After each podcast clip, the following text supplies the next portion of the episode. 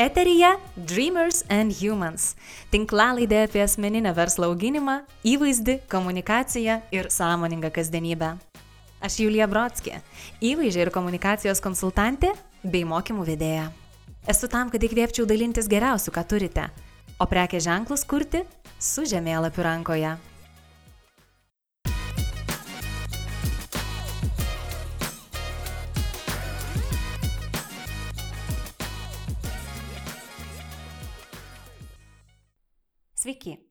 Dėkoju, kad įsijungėte jau penktąjį laidos epizodą. Šiandienos tema - asmeninis prekės ženklas. Tam, kad sukurtume tikrai įsimenamą, aišku, suprantamą, veikiantį prekės ženklą, turime išsigryninti jo identitetą. Būtent ši darbo su klientais dalis man asmeniškai yra labiausiai jaudinanti, įdomi ir užbūrinti. Tačiau aš ne visada domėjausi prekės ženklais. Viskas prasidėjo veikiau nuo pačių klientų Savo klausimais jie tarsi privertė mane susidomėti, kasgi yra tas brandingas arba prekės ženklo identiteto kūrimas. Būdavo maždaug taip. Skambutis telefonu. Labas Julija, aš atidarau savo grožio studiją. Arba meno, fotografijas, gėlių ar kažkokį kitokį saloną. Konsultacinį kabinetą. O galbūt pradėsiu prekiauti savo rankų darbo gaminiais, medumi, rubeliais ir galvoju apie štai tokius mano Facebook puslapio ir ženklo pavadinimų variantus. Beje, dar norėčiau va tokio logotipo, o vizitinės turėtų atrodyti va šitaip. Ką tu manai? Prisipažinsiu, aš nemanau nieko, nes nepažįstu šio prekės ženklo. Nei jo, nei auditorijos, nei idėjos ir tikslų. Taip, kurdami savo prekės ženklus mes automatiškai linkę galvoti apie tai, kaip atrodys Facebook puslapis, Instagram kvadratėliai, vizitinės ir pakavimo maišeliai. Viena vertus tai yra labai gerai. Gerai, kai jau galvoje vizualizuojame, manifestuojame vaizdinį, emocijas, kurias norime išgyventi arba kurias tikimės, jog išgyvens mūsų potencialūs klientai. Tačiau šalia visų šitų manifestacijų turi būti ir aiškus žinojimas, žinios, suvokimas, kas ką reiškia ir kaip teisingai kalbėti apie savo kūrinį. Juk komunikacija vyksta ne dėl komunikacijos. Teisinga komunikacija yra tai, kaip mes tam tikrą informaciją ir žinutę perdodame taip, kad jos gavėjas ją teisingai suprastų ir galbūt imtųsi tam tikrų veiksmų. Ir va štai čia, kartais, neatlikę jokio prekės ženklo identiteto, mes ir nesulaukiame rezultatų, būtent dėl praleisto šio žingsnio. Sakoma, kad nėra prasmės šlifuoti dizainą, jeigu dar nesukurta strategija. Ar jums žinoma, kad kiekviena spalva siunčia savo informaciją, marketinginę žinutę? Pavyzdžiui, raudonas sukelia apetitą, mėlyna asocijuojasi su patikimumu, žalia - sveikata, gamta, geltona - optimizmu, juoda sukelia inteligencijos, valdžios, stabilumo pojūtį, o balta - švaros ir saugumo. Imkime domėn ir tai, kad skirtingi individai spalvas kiek skirtingai interpretuoja. Ar žinote, kad kiekvienas fontas arba šriftas turi savo charakterį, nuotaiką ir taip pat neša tam tikrą informaciją? Juk šriftai būna klasikiniai, modernus, minimalistiniai arba išraiškingi, impozantiški arba infantilus, rašomi ranka ir taip toliau. Ir pasirinkti juos turime su galva, o ne bet kaip. Maža to, Jie turi būti suprantami dabartiniai vartotojo akiai. Deja, aš vis dar sutinku internete pavyzdžių, kuomet naudojami 21 amžiaus pradžioje madingi šriftai.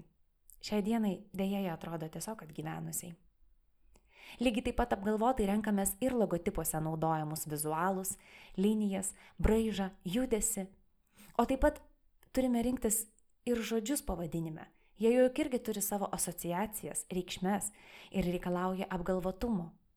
Kartais klaidingai manoma, kad prekės ženklas sukasi tik apie produktą ar paslaugą. Tai labai siauras požiūris. Dar svarbiau nei pats produktas yra visas brandingas. Drąsiai taip teigiu. Nes, pavyzdžiui, galiu paimti, tarkim, jūsų rankų darbo žvakę ir sukurti mažiausiai tris skirtingus brandus, įvaizdžius. Ir absoliučiai kiekvienas iš jų rezonuos vis kitai auditorijai ir užkabins vis skirtingą klientą. Pavyzdžiui, jogos mokytoją ir ajurvedos specialistą minimalistinio gyvenimo sekėja, interjero dizaineriai. O žvakė juk bus ta pati. Dėl šios priežasties net ir labai geras produktas gali nepaeiti dėl prasto marketingo ir atvirkščiai. Visiškai atleiskite nesąmonę, perkama naudojant apgalvotus įvaizdžio ir komunikacijos sprendimus. Prekės ženklo identitetas arba tapatybė, asmenybė yra tai, kaip mes norėtume, kad klientas mus suvoktų. Identitetas padeda formuoti produkto, paslaugos, kompanijos tapatumą. Tai tarsi balsas, kurį suteikiame savo produktui ir paslaugai. Dėmesio, identitetas ne tas pats, kas įvaizdis. Prekės ženklo įvaizdis yra labiau įspūdis, kuris sukuria visa brendo asmenybė. Akimis suvokiama ir jaučiama kokybė, vertė. Įvaizdis sukuriamas pasitelkiant strateginės, tematinės, reklaminės kampanijas, trunkančias ne vienerius metus. Tuo tarpu identitetas - tai nuolatinė žinutė, kurią vartotojas sąmoningai arba nesąmoningai suvokia tiesiogiai naudodamas produktą ir paslaugą. Šiandien mes kalbame ne apie įvaizdį, o apie identitetą. Grįžkime prie apgalvoto ir sąmoningai, išmintingai kūriamo prekės ženklo. Visi šiuo metu klausantys, dabar turite galimybę pasižymėti klausimus ir savo juos atsakyti. Nesvarbu, ar jau esate sukūrę ženklą, arba esate tik tai pakeliui, o galbūt jau daugelį, daugelį metų veikia jūsų prekės ženklas ir čia yra puikia proga pasitikrinti, kuriame taške jūs esate, ar iki galo suprantate jį. Bet kuriuo iš atveju tikrai bus naudinga atlikti šias užduotis. Beje, labai kviečiu jas atlikti nebūtinai vieniems. Galite pasikviesti su prekės ženklu susijusius šeimos narius, arba net ir visą komandą. Aš užduosiu 12 temų arba 12 klausimų, į kuriuos reikės atsakyti. Pirmasis. Kas mes arba kas aš? Kaip norėčiau būti identifikuojamas? Už ką aš noriu būti žinomas, reikšmingas, atpažįstamas? Tai ypač svarbu, kuriant asmeninį prekės ženklą. Pavyzdžiui, norėčiau būti atpažįstamas kaip paauglius konsultuojantis coachingo specialistas, taikantis, tarkim, Nepaliai išmoktus metodus ir konsultuojantis išskirtiniais žaidimo metodais. Antrasis klausimas. Kodėl mes tai darome? Arba kodėl aš tai darau? Kaip sako Simon Sinek, start with why. Taigi, koks yra mūsų kodėl, asmeninis kodėl. Pavyzdžiui, rankdarbiai yra mano pašaukimas, ramybė ir užuovėja. Net jeigu niekas man nemokėtų pinigų už tai, ką aš darau, vis tiek mėgščiau lėmenes. Kodėl negaliu to nedaryti? Ir ar negaliu to nedaryti? Tai labai svarbus klausimas. Trečiasis. Ką mes tiksliai kūrėme? Labai konkrečiai. Išrašykime visas paslaugas, paslaugų paketus, visus produktus detaliai. Patikėkime, kartais susiduriu su žmonėmis, kurie savo paslaugų negali įvardinti tiksliai ir netgi pasakyti, kiek tiksliai jų teikia. Žinokime labai aiškiai, ką parduodame. Ketvirtas klausimas. Kokią vertę savo produktais mes kūrėme? Už kiekvieno daikto visada slypi prasme, emocija, jausmas. Vertė tai ne tik pats kremas, neleidžiantis odai džiūti. Tai ir jaunystės, stangrumo, lengvumo jausmas, pasitikėjimas savimi. Pasižymėkime, kokią vertę savo produktais mes kūrėme. Penktasis. Kokios mūsų vertybės? Kaip sako anglai, what do we stand for? Vertybės komunikacijoje yra ypač svarbu. Pamatysite, kad komunikacijoje pravers net asmeninės vertybės, tokios kaip šeima, draugai, samoningumas, nuotykiai, tvarumas ir taip toliau. Žmonės perka iš tų, kuriuos pažįsta teisingai. Pamenate, mes apie tai kalbėjomės epizode prieš tai. Žmonės renkasi tuos, kuriais pasitikė ir panašius į save. Tad atsakykim savo sąžiningai. Ir dar kartelį išsirašykime savo asmeninės vertybės. Šeštasis klausimas. Kokį pokytį mes darome pasaulyje - Lietuvoje, visuomenėje, bendruomenėje? Tai gali būti žinojimas, kad jūsų dėka žmonių namuose įsivyraus ne tik tvarka ir stilius, bet ir geresni santykiai, vidinė harmonija, galimybė kokybiškai pailsėti. Septintasis. Labai svarbus klausimas. Kas yra mūsų klientas? Įsivardinkime jo amžių, lytį, demografiją, šeiminę padėtį, išsilavinimą, pažiūras, vertybės, laisvalaikį, hobius, pajamas, keliones, Pabandykime įsivaizduoti, kokius gaminius bei prekės ženklus jais renkasi. Kokie jos skausmo taškai, tikslai ir motivacija apskritai rinktis tokio pobūdžio produktą kaip jūsų. Aštuntas. Kokią problemą visuomenėje, bendruomenėje, savo šalyje ar net pasaulyje mes išsprendžiame arba padedame spręsti. Su kokiais iššūkiais susiduria klientas, o mes esame jo sprendimas. Neįsivardinus problemos, mūsų komunikacija ir pardavimai susidurs su dideliu iššūkiu. Klientas nematys mūsų kaip sprendimo ir vertėjas. Jis matys tik dar vieną produktą ir jausis kaip priemonė kažkam užsidirbti. Devintas. Kaip mes tai darome? Turėjome įsprendžiame problemą. Ir čia bandome identifikuoti visus procesus, kurie vyksta.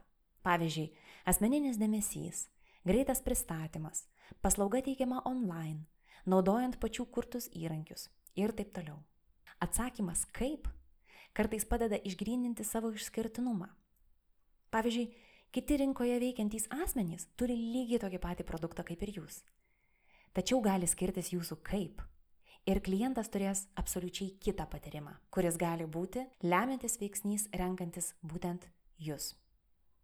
Dešimtas klausimas. Kiti rinkoje veikiantys asmenys. Čia dar kitaip yra vadinamieji konkurentai. Pagalvokime, ar kas nors dar kuria tą patį kaip ir mes. Kuo mes išsiskiriame iš jų? Beje, aš tikrai kviečiu kitus rinkoje veikiančius asmenis suvokti kaip bendraminčius, siekiančius galbūt panašių misijų, turinčius panašias vertybės.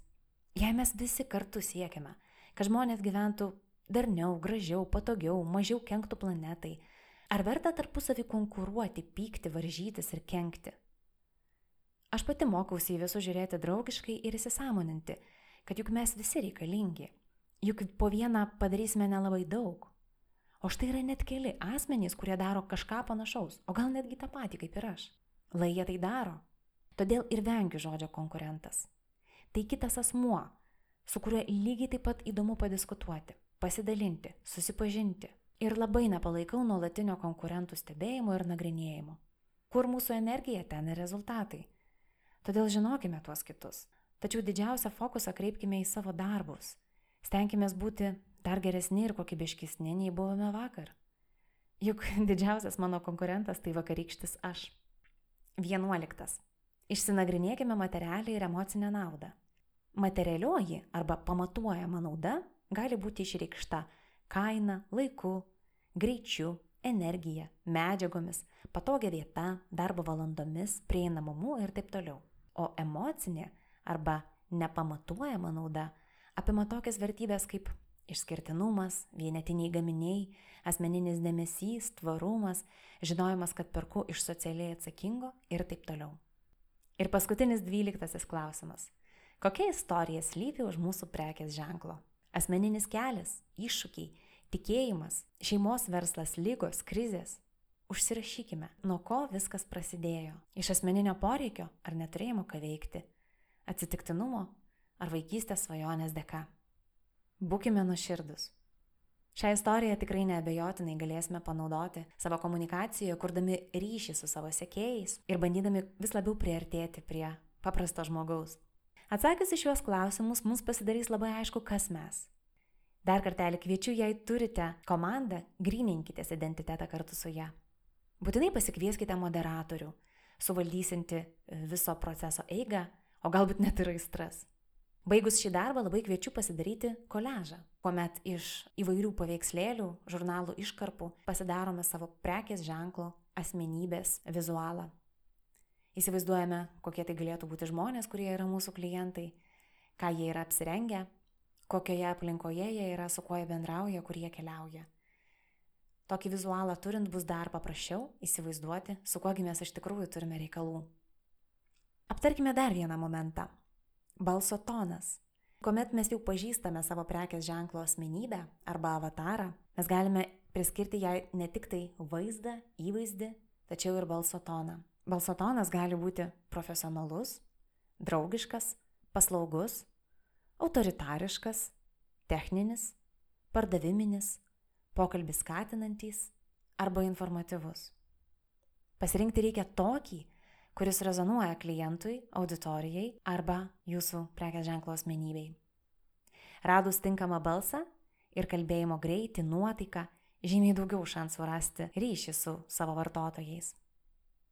Tai bus ypač aktualu rašant straipsnius, įrašus socialiniuose tinkluose. Juk nuolat naudojamas tas pats balso tonas bus atpažįstamas, prisidės prie įvaizdžio kūrimo ir skirtingais kanalais kalbės tą pačią kalbą. O štai po truputėlį dabar jau galima pradėti artėti prie pavadinimo, spalvų, logotipų ir viso brandbuko kūrimo. Dar noriu pabrėžti tai, kad brandingas, prekės ženklo kūrimas, yra nesustojantis procesas. Jis turi būti matomas visada ir atsispindėti visame, kame, ką mes tik tai darome, ką mato, skaito ir girdi pirkėjas. Integruokime identitetą į visus verslo aspektus, bet ir išlikime ištikimi tam, ką sukūrėme. Tai svarbu, todėl kad prekės ženklas nuolat šokinėjantis nuo, prie, nuo vieno prie kito neteks atpažįstamumo, stabilumo, netrodės patikimai ir profesionaliai. Gali būti ir kitoks atvejis. Galbūt atėjo laikas natūraliems pokyčiams, atsižvelgiant į besikeičiantį vartotojų elgesį, madas, ekonominę situaciją. Tačiau tai yra labiau išimtis nei taisyklė. Beje, stiprus prekės ženklai visada turi savo advokatų ir ambasadorių. Neapsiribokime įkūrėjais ir jų šeima. Geriausiai prekės ženklą parduoda ir reklamuoja ne tik tai įkūrėjai, bet ir visi darbuotojai, komandos nariai, galbūt net savanoriai, praktikantai, galiausiai ir draugai. O taip pat ir klientai, ypač lojalieji. Skatinkime juos rašyti atsiliepimus, dalintis savo turiniu su mūsų prekėmis, jie paskleis žinutę dar toliau. Linkiu kurti tokius prekės ženklus, kurie nesibaigia ties dailių daiktų, o ilgam išlieka žmonių galvose ir širdise. Visada prisiminkime, svarbiausia juk žmogus ir tai, kaip jis jaučiasi saveikaudamas su mūsų produkcija, paslauga ar patyrimu. Sutinkate? Šiam kartui tiek. Dėkoju, kad klausėte. Kviečiu komentuoti, palikti savo išvalgas mano Facebook puslapyje Julija Brodskė dreamersandhumans.lt arba Instagram paskyroje Julija Brodskė. Manęs laukia intensyvios ateinančios dienos, tad kol kas neprognozuosiu, apie ką bus kitos savaitės laida. Tikiu, kad atsakymas ateis pats. O ir jūs drąsiai galite padiktuoti rūpimas temas. Dėkoju, kad buvote kartu ir linkiu būti svajotojais, kurie veikia.